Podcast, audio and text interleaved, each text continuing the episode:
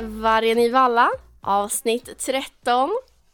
Och eh, det känns som att det var ett tag sedan jag var här. Det kanske det inte var. Vi Men är nu- tillbaka alla tre idag. Ja. Alla tre är med och det är solig fredag. Hel... Det är fan sant! ja.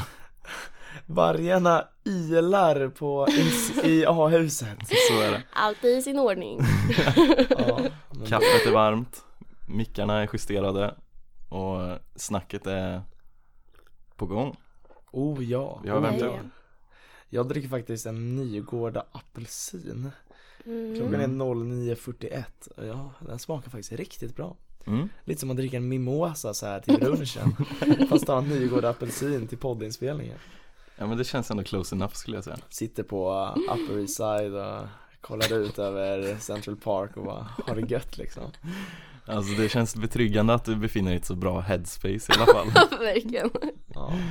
Jag vet, det är många som säger så här, kolla om man går in på så här Instagram typ och så scrollar man, man fastnar i något äckligt flöde Så kommer det typ så här, ja men eh, jag brukar hamna i såna här motivation grejer Mm. Och så står det typ så här bara Skip Netflix, sleep och sånt där Alltså det är fan tvärtom alltså, de fattar fan ingenting Say goodbye to your friends, work! Ja men typ bara, you the only need four friends, keep them close Alltså vilket skämt No alltså. squares in my circle. Ja, vilket skämt alltså Inspirerande ord från Vargarna i Valla idag. Ja, ja men faktiskt Mm. Nej men hur mår ni då? Jag mår bra, jag mår bra. Jag är utvilad, jag håller på att skriva masteruppsats. Fint väder. Just Man mår ju skönt alltså. Man mår ju skönt alltså. Ja, ska inte klaga. Nej, vad härligt. Ja. Erik då? Eller Adriana? Ja, nej, jag, jag, eh, jag mår bra. Det känns som en bra dag, faktiskt. Det känns som en bra dag. Det känns som en bra dag. Men Är jag, det inte en bra dag? Det är bara ja, morgonen. Det, det återstår att se helt enkelt. Ja. Men jag tror att det kommer bli en bra dag. Jag höll på att bli lite sjuk där ett tag. Usch då. Så det är därför jag låter lite hes som vanligt. Men, eh, men, eh, ja, men nu tycker jag faktiskt att jag gjorde rätt. Jag stannade hemma istället för att intala mig själv att jag inte var sjuk. Eh, Så att jag, eh, nu är jag på bättringsväg. Rätt Eller och alltså jag, riktigt. jag är ju i stort sett frisk nu igen. Liksom. Det var att jag låter knas, Låter så kallat rostigt. Ja. rostigt. Gud, här Låter som min sitter jag. cykelkedja. Men nice. Eh, idag ska vi ju fortsätta, vi ska inte bara snacka skit. Om ni trodde det. Om ni vill ha ett avsnitt där vi bara snackar skit så skriv det till mig så löser vi det. Ja. Eh, så eh, idag ska vi prata om någonting jätteseriöst. Vi ska prata om valutor. Cash. Cash is king, eller? Eller cash is trash.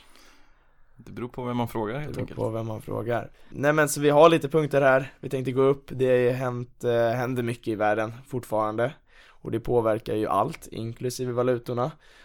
Och eh, ja, jag och, och som Frej sa förra veckan, vi sitter mycket på Twitter. Och där har valutan verkligen blivit ett eh, samtalsämne de senaste veckorna. För eh, jag kan väl, jag tänkte bara skulle dra ett litet exempel, ett litet intro till eh, varför Mm. vi ska prata om det här. Så eh, jag tänkte köra så här, ja, jag frågar er som vanligt, vad tror ni? Ja, Och lite höger vänster. OMXS30 har gått ner 15% i år. ja. Om en amerikan hade växlat sina dollar, eller en svensk för den delen, hade växlat sina dollar, Mm, köpt då alla svenska bolag i svenska kronor, mm. så hade man fått en avkastning på ungefär minus 23%. Mm. Inte minus 15. Dollarns utveckling mot SEK har alltså varit så pass ja, men stark för dollarn och svag för svenska kronan. Nu med tanke på eh, krisen och kriget som pågår i Ryssland och Ukraina. Så, många kanske ser på sina Avanza-konton att det finns ju att man kan gå ner, liksom om du har en aktie i USA eller så, så kan du ju scrolla lite längre ner så står det ju avkastning och så står det avkastning utan valutajustering står det. Och då kan du se vad du har fått för avkastning i procent. Mm. Alltså eller vad du hade fått om du inte hade ha- varit exponerad mot valutan också. Ja, okej. är Så det är lite intressant. Ja, Så eh, jag kan tänka er att det är många där hemma som har fått en liten skjuts nu på era amerikanska aktier. Kan ju vara skönt nu när allt annat har gått ner. mm. Så därför ska vi prata om valutor. ja, det kom ingen fråga eller? Just när det kom fan ingen fråga. Nej, Jag skulle fråga hur mycket ni trodde, men jag glömde det. ja, okej. Fumble the bag. Men jag tänkte, eh, det här är någonting som jag ändå har tänkt på en del. Och det är framförallt liksom så här, nu har jag ändå läst fyra kurser nationalekonomi så har man väl lite koll. Men eh, vad, eh, vad är det som styr en valuta? Mm. Alltså priset på en valuta.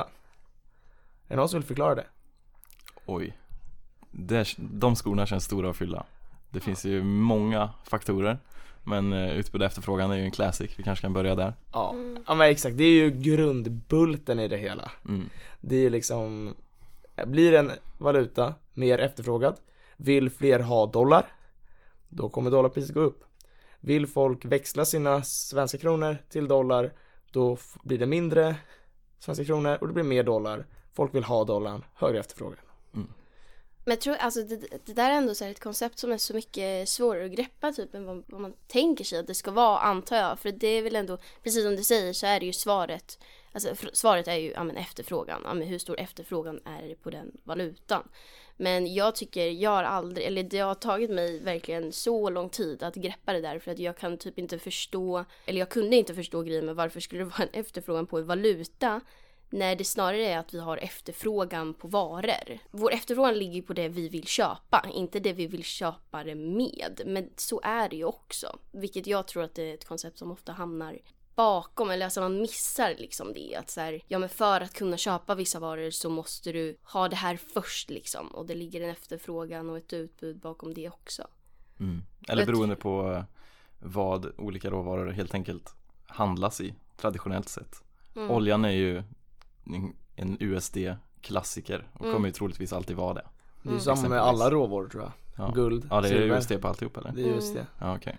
Mm. Precis. Så det blir väl dollar som är liksom världsvalutan kan man väl ändå säga. Mm. Mm. Och det är väldigt viktigt för USAs del att det, Det är så. eh, att det är så. Yes. Mm.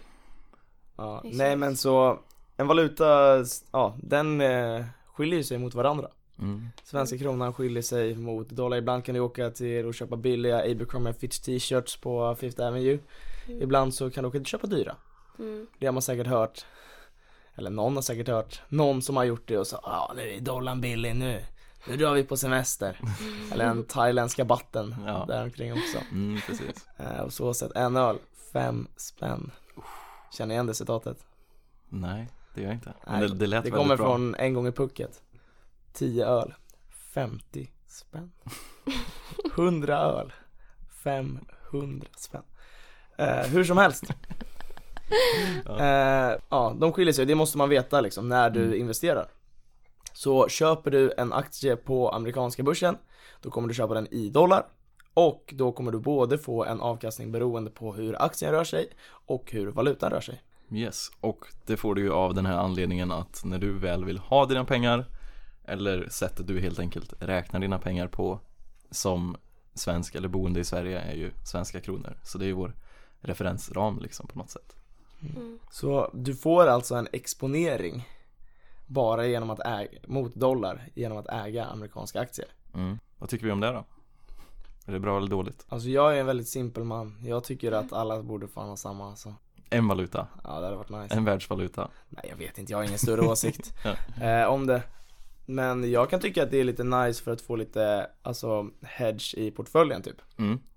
Eh, Så det som händer är att man får lite, ja, men lite skydd i portföljen. För jag tänkte vi skulle gå in på det också, varför alltså dollarn nu har stärkts mot svenska kronan.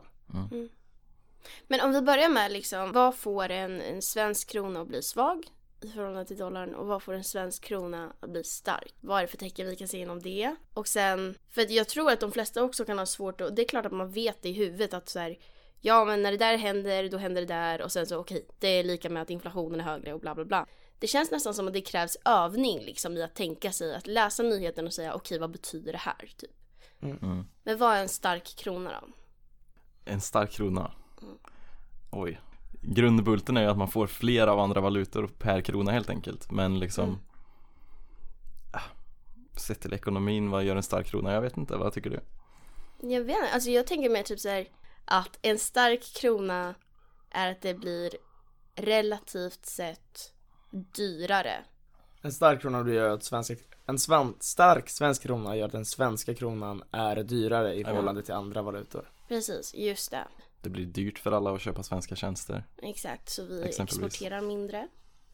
Mm. Men vi importerar mer som konsumenter. För det blir billigare överallt. Exakt. Den där Abercrombie and Fitch eh, t-shirten på Fifth Avenue eller eh, hoodien på Polo Outleten i Florida Mm. blir billigare för oss.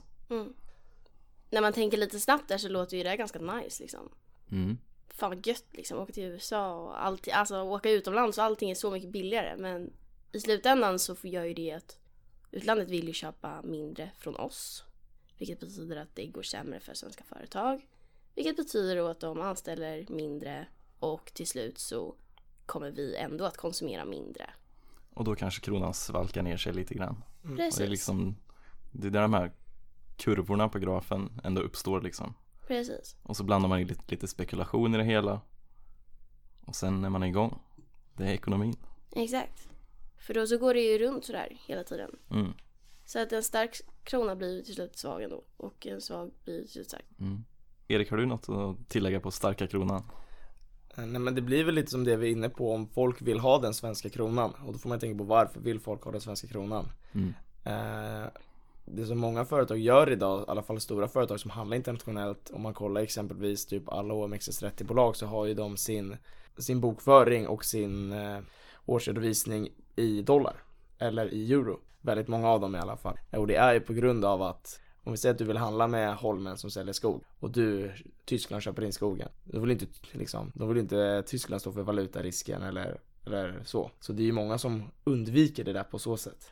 Men jag känner att det utgår ju från vad folk vill ha. Om sven- folk vill ha svenska tjänster mycket, Mm. då kommer valutan att stärkas på så sätt.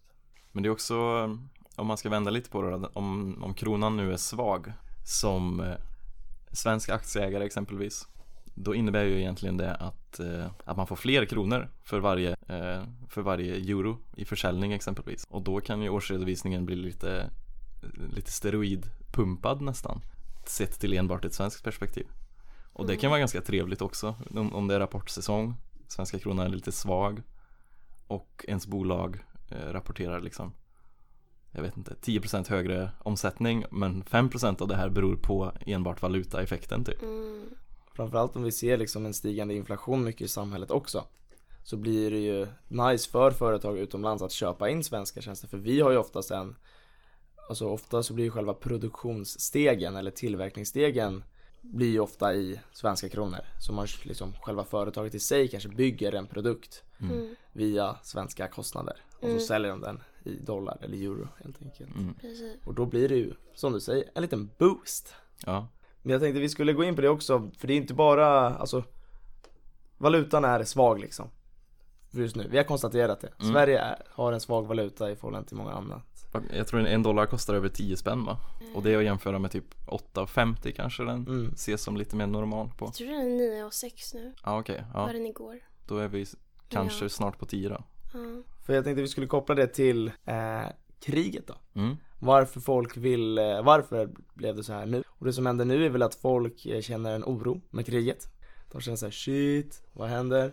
Vad kommer hända härnäst? Så då flyttar folk till en så kallad safe haven, kallas det ju. Eller det läser man ofta och lyssnar mycket i poddar typ och det är många smarta människor som använder begreppet safe haven. Så tycker då ska jag. vi också göra det. Så då ska vi också göra det.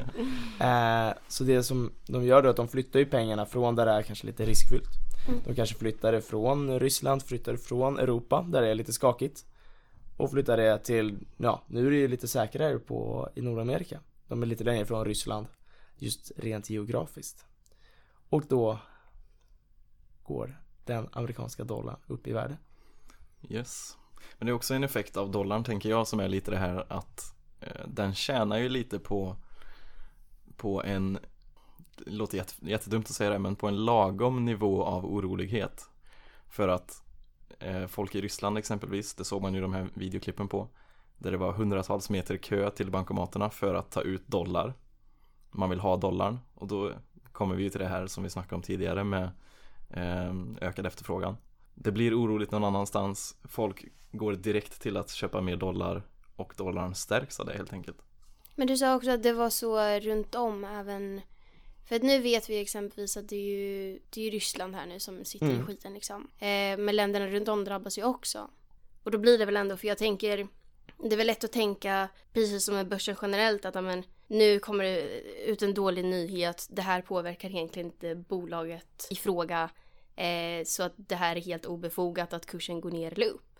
Men när det kommer till valutor och det här med länderna runt om så är det ju inte som att nej men det här, det här är helt onödigt utan det är ju faktiskt befogat att Att rubeln går ner till exempelvis. ja, Hur mycket har den gått ner? 50% typ? Ja, om inte det är mer just nu. Men eh, Mm. Ja. så jag tror vi konstaterade i förra avsnittet att det var ner ja. 50%.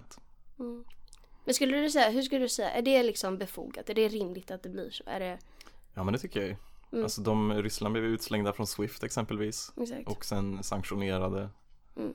Eh, det finns så många eh, argument för, för varför den bör vara lägre värderad Mm. plötsligt. Exakt. Eh, så att det är ju väldigt stor skillnad från att marknaden börjar få en viss magkänsla typ och Mm.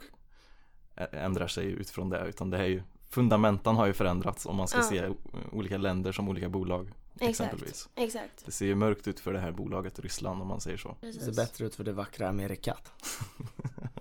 Det kan man väl säga. Ja, men för det är det jag tycker är lite intressant för att man skulle kunna, man skulle precis som jag var inne på kunna se det som att så här, ja, men om det här var ett bolag liksom. Att det faktiskt skiljer sig att det är olika tankesätt som gäller, eh, vilket är intressant. Mm. Jag har en punkt kvar där som jag tänkte vi skulle bara nämna för våra kära lyssnare som är eh, växlingsavgifter. Shit, stabilt. Mm. Det är otroligt sexigt eh, begrepp, eller hur? Ja, väldigt. Man blir lite varm. Jag, jag tycker det, jag vill ju höra mer. Du vill höra mer? Och det tror jag våra lyssnare också vill. Ja, nej men det är faktiskt en viktig eh, grej som eh, jag inte tänkte på väldigt mycket, eh, så mycket förut i alla fall. Eh, för det kostar ju faktiskt att byta eh, din valuta Mm. från svenska kronor till dollar eller till euro eller vilken valuta som helst. Så det nätmäklarna har gjort då, Avanza Nordnet, är att de har en, liksom, en fast växlingsavgift. Så oavsett om du växlar till danska kronan eller om du växlar till euron eller dollar så är det samma växlingsavgift. Mm. Och de tar ju ja, 0,25% av hela ditt värde, eller av det värdet du köper en aktie för. Hela beloppet. Både vid köp och vid sälj. Just det. Så köper du en aktie på, så kommer du, måste du veta att du kommer få ungefär en halv procent. Eh, så det blir 0,25% vid köptillfället och 0,25% vid säljtillfället. Mm. Typ en halv procent. Vi, Ja. Om, om, den skulle vara, i- om den skulle vara konstant värdemässigt Ja. mellan köp och sälj så är det halv procent. Men ja. Ja. Mm.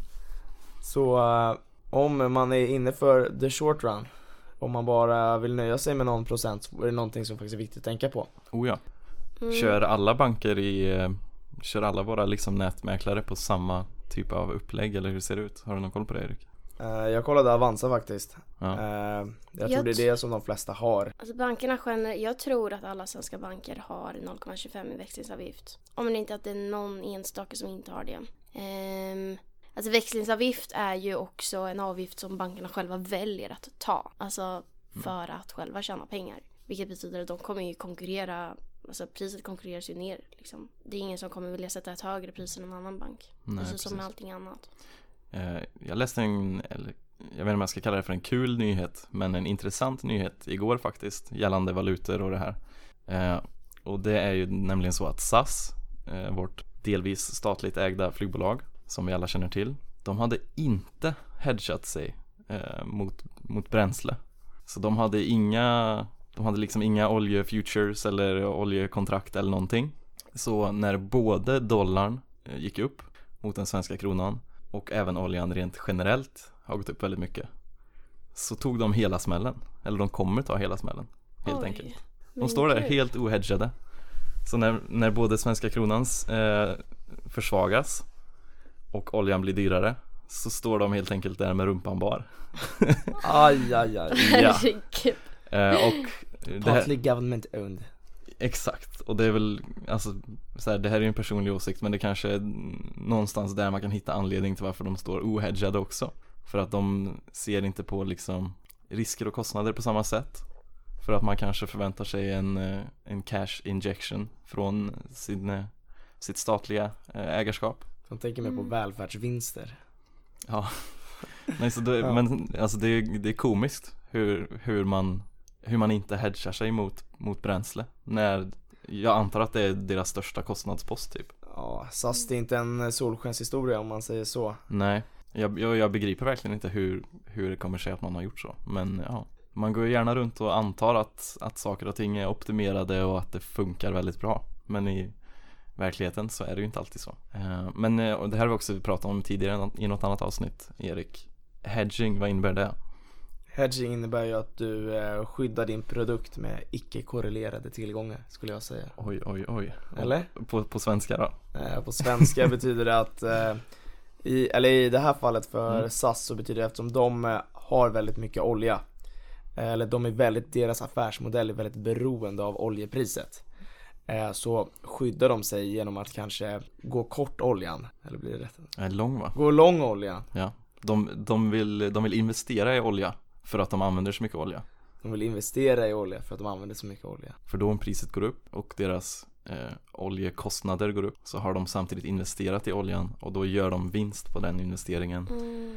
som eh, trycker liksom ner kostnaderna för den här oljeförbrukningen. Och om oljan då istället går ner då förlorar de ju på investeringen men samtidigt blir allt bränsle billigare att köpa och det blir billigare att flyga planen och så vidare. Mm. Så man kan ju, genom att hedga som ett sånt bolag som är väldigt råvaruberoende så kan man ju få lite mer koll på sina kostnader helt enkelt och kanske plana ut de här kostnadskurvorna. Mm. Ehm, om, man, om man ska kolla på, låt säga Pågen till exempel, de är ju inte Mm. börsnoterade vad jag vet i alla fall men de kanske, de kanske sitter inne på en massa vete och eh, havrekontrakt typ. Mm. Vilket då bör löna sig nu när vetepriset har, har typ dubblats. Mm. För då vet de att vi kommer behöva köpa jättemycket mjöl, som alltid, behöver vi alltid göra. Men eh, nu stiger i alla fall eh, värdet på våra veteinvesteringar som gör att eh, s- liksom summan av kardemumman för det hela blir åtminstone kanske plus minus noll om man har Mm. gjort det på ett schysst sätt. Precis, och målet är ju att hamna på en slags plus minus noll egentligen, Mm. sammanfattningsvis. För att få en förutsägbarhet. Så en win-win situation egentligen. Mm. Det är väl egentligen det bästa, bästa tankesättet. Ja, I för det går, allt, det går ju att tänka att pågen kanske bör vänta på att eh, vetepriset ska sjunka Mm. och så slår de till, köper hur mycket mjöl som helst. Mm. Men eh, jag tror att man, eh, det handlar om risk management där. Man eh, är nog inte så säker på att man ska kunna göra det. Och frågan är hur länge vete håller också. Mm. Hur länge kan man ha ett lager? Så det är så man hanterar det. Svängiga kostnader, hedging. Mm. IT och management master. Mm. Fan, spännande.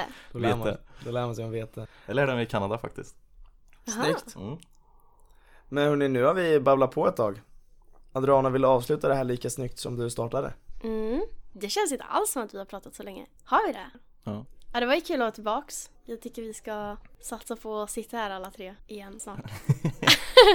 Vi får sitta här eh, tillsammans alla tre oftare. Ja, Det får vi verkligen. försöka lösa. Det känns som att vi alla har blivit helt plötsligt väldigt upptagna på fredagar eller något sånt där. Mm. på morgonen. Brukade vara den absolut mest chill-dagen förut. Men du skriver ju masteruppsats. Ja, Jag vet inte riktigt vad jag gör, allt möjligt. Erik, du... Alltid bakfull. det, det är svårt att, att få de här tre äggen i samma korg om man säger så.